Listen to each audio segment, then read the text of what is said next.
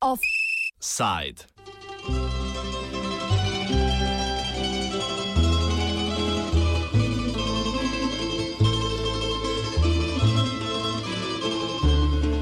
Hrvaški kul kurikulum.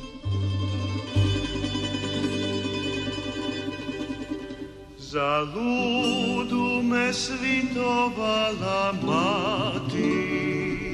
Hrvaško ministrstvo za znanost in izobrazbo z ministrico Blaženko Divjak na čelu je minuli teden predstavilo predlog reforme kurikuluma, ki še vedno odmeva. Kritiki predlaganega kurikuluma se osredotočajo predvsem na načrt šolskega branja in načrt pouka zgodovine, sporna pa je tudi izdelava predloga. Za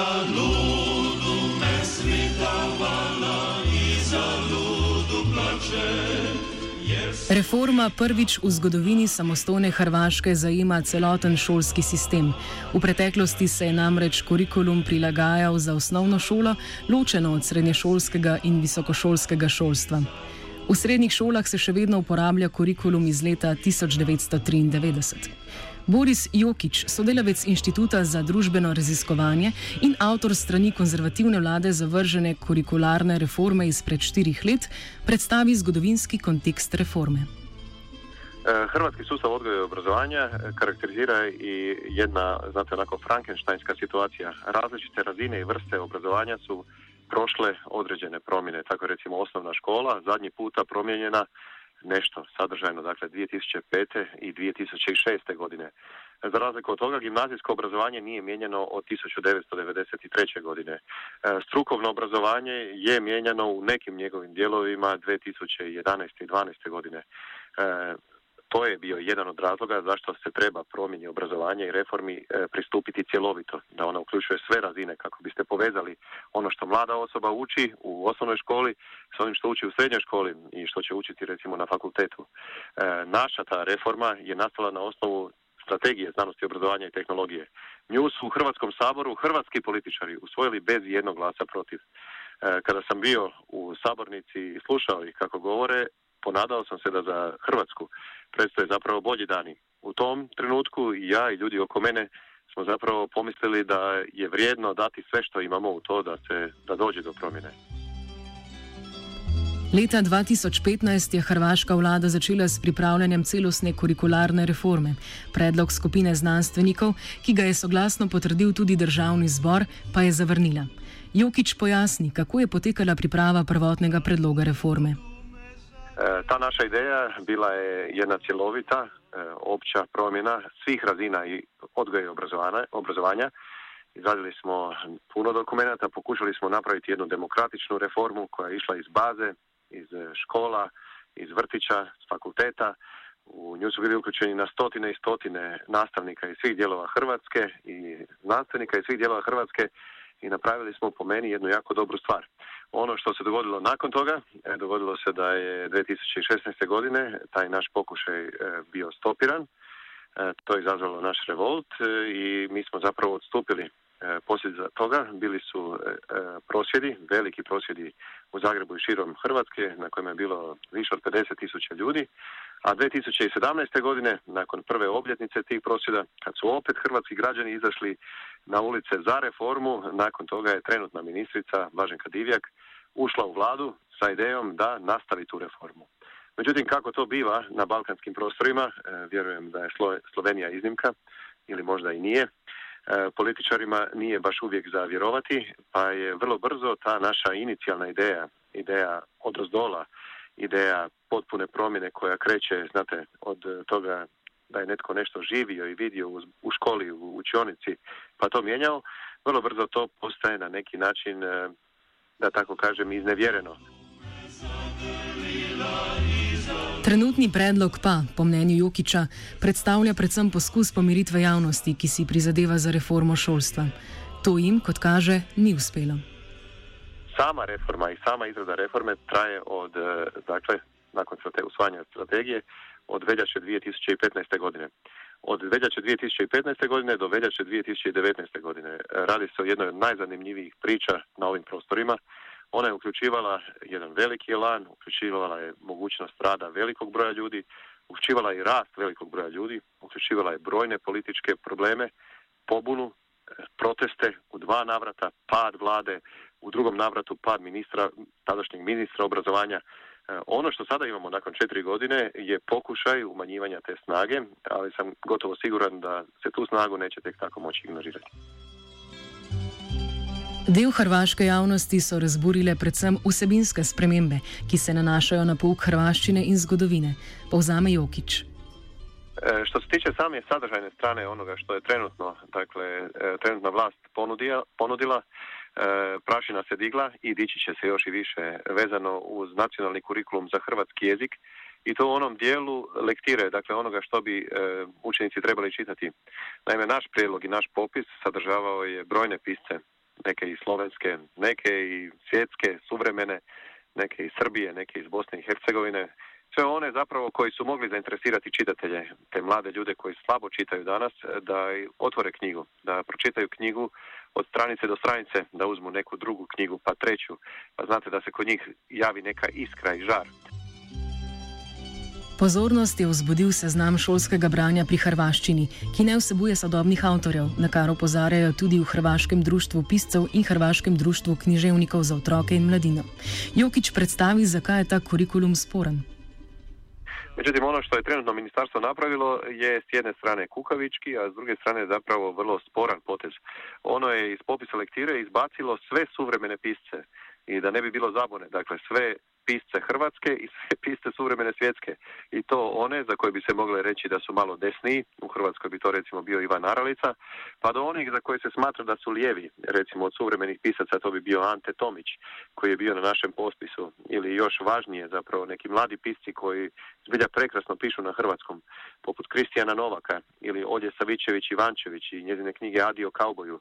Preporučujem svima u Sloveniji da uzmu te knjige ukoliko nisu. Dakle, sve suvremeno je zapravo odbačeno. Međutim, odbačene su i neka obvezna dijela koja su do, do tada bila u hrvatskoj školi. Recimo, jedno takvo opasno dijelo je i knjiga J.D. Salingera, Lovac u žitu. Jer znate, ona malo i opisuje to kako je kada bi se netko ko čita i ko je mlad mogao usprostaviti autoritetu i onima na vlasti. Također, na tom popisu, budući da je tako okljaštren, nema ni nekih dijela koja su politički sporna, odnosno ne bi trebala biti sporna, ali oko njih se digla prašina, poput dnevnika Ane Frank ili onih dijela koje smo mi stavili da se čitaju od prvog razda osnovne škole. Recimo, to bi bila Ježeva kućica. Jer znate, ježa, tog nesretnog ježa u Ježevoj kućici, njega se svatko treba bojati, a naročito hrvatski političari. To je mali stvor koji ima bodlje, ali još više ima on integritet i poštenje, ima i domoljublje, voli svoj dom. Najvan je pošten, a znate, takvih se baš treba bojati.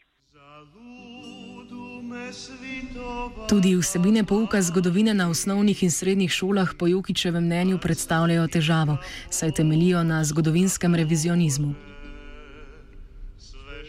A sad ovaj prijedlog koji je sada na javnoj raspravi, za koji se iskreno nadam da hrvatski političari neće biti toliko neinteligentni, ne mudri i da će biti toliko svjesni važnosti onoga što čine za svoju državu, u, njoj, u, njemu zbilja stoji jedna vrlo problematična e, činjenica, odnosno ono što se očekuje, tamo piše da se od učenika očekuje da on opisuje e, stradanja u e, drugom svjetskom, znači stradanja u 20. stoljeću.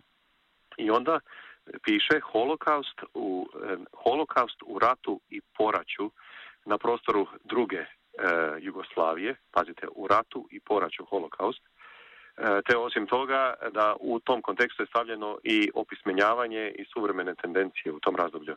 Dakle, to je i može se tako tvrditi e, da je to zbilja pokušaj umanjivanja određenih činjenica, a takvo nešto Hrvatskoj zbilja ne treba. Ja se nadam da u, među onima koji odlučuju ima i dalje integriteta, da ima e, osnovnog civilizacijskog, ako hoćete i ljudskog, humanističkog u njima, da znaju razdijeliti dobro od zla. Jer pitanje holokausta je zapravo pitanje toga da li kao društvo se možete postaviti prema zlu i da li možete jasno kazati to je zlo. Jokič opozori, da je do upeljave zgodovinskih neresnic v pouk zgodovine prišlo zaradi površnega in hitrega sprejetja novega predloga reforme kurikuluma. To se dogodilo u kurikulumu povijesti koji je naš, taj kurikulum je odbačen i to sad na samom kraju iz nekog nevjerojatnog razloga. Umjesto njega je skrpan i sklepan neki program koji je zapravo u dva tjedna napravljen, koji nema niti početka niti kraja. Ali samo da se vratim na taj inicijalni naš, znate, prijedlog, on je vrlo modern kurikulum, također prilažem svim onima koje zanima u Sloveniji da ga pogledaju. On zapravo uvodi diakronijsko poučavanje povijesti na srednjoškolskoj razini. Drugim riječima, određeni teme i temati se proučavaju kroz sva povijesna razdoblja kako bi se kod mlade osobe razvilo to da zna doći do nekog zaključka, da zna povezati činjenice, da zna uspostaviti uzročno posljedične veze. U tom kurikulumu našem, koji je odbačen, dakle eksplicitno piše da se u osmom razredu treba poučavati i učiti o holokaustu na baš na primjeren način na koji bi se i trebalo učiti. Međutim, i u srednjoj školi je to tema onoga što bi se trebalo učiti. Tamo su predviđene sljedeće teme fašizam, nacizam i staljinizam i to kroz komparativni presjek toga, ali i diakronijske teme, poput teme e, rasizam i antisemitizam. Jer znate, te revizionističke ideje nisu one samo vezane uz danas, niti uz 20. stoljeće, te stvari idu daleko. V zaključku današnjega offsajda Jokič povzame, katerih vidikov kurikuluma novi predlog reforme ne zajema, kljub temu, da je bilo vse pripravljeno že v prejšnjem predlogu.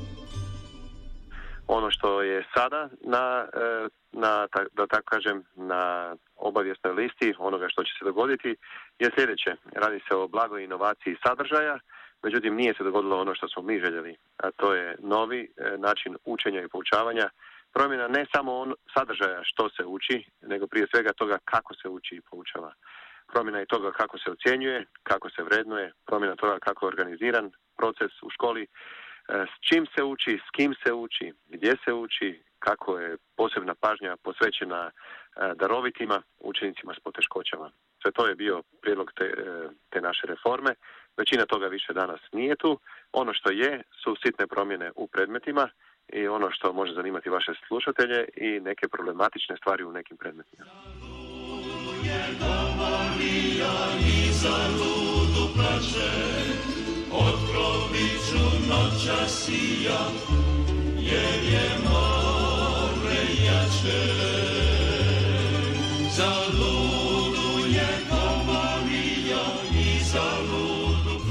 Offset je pripravil Virant.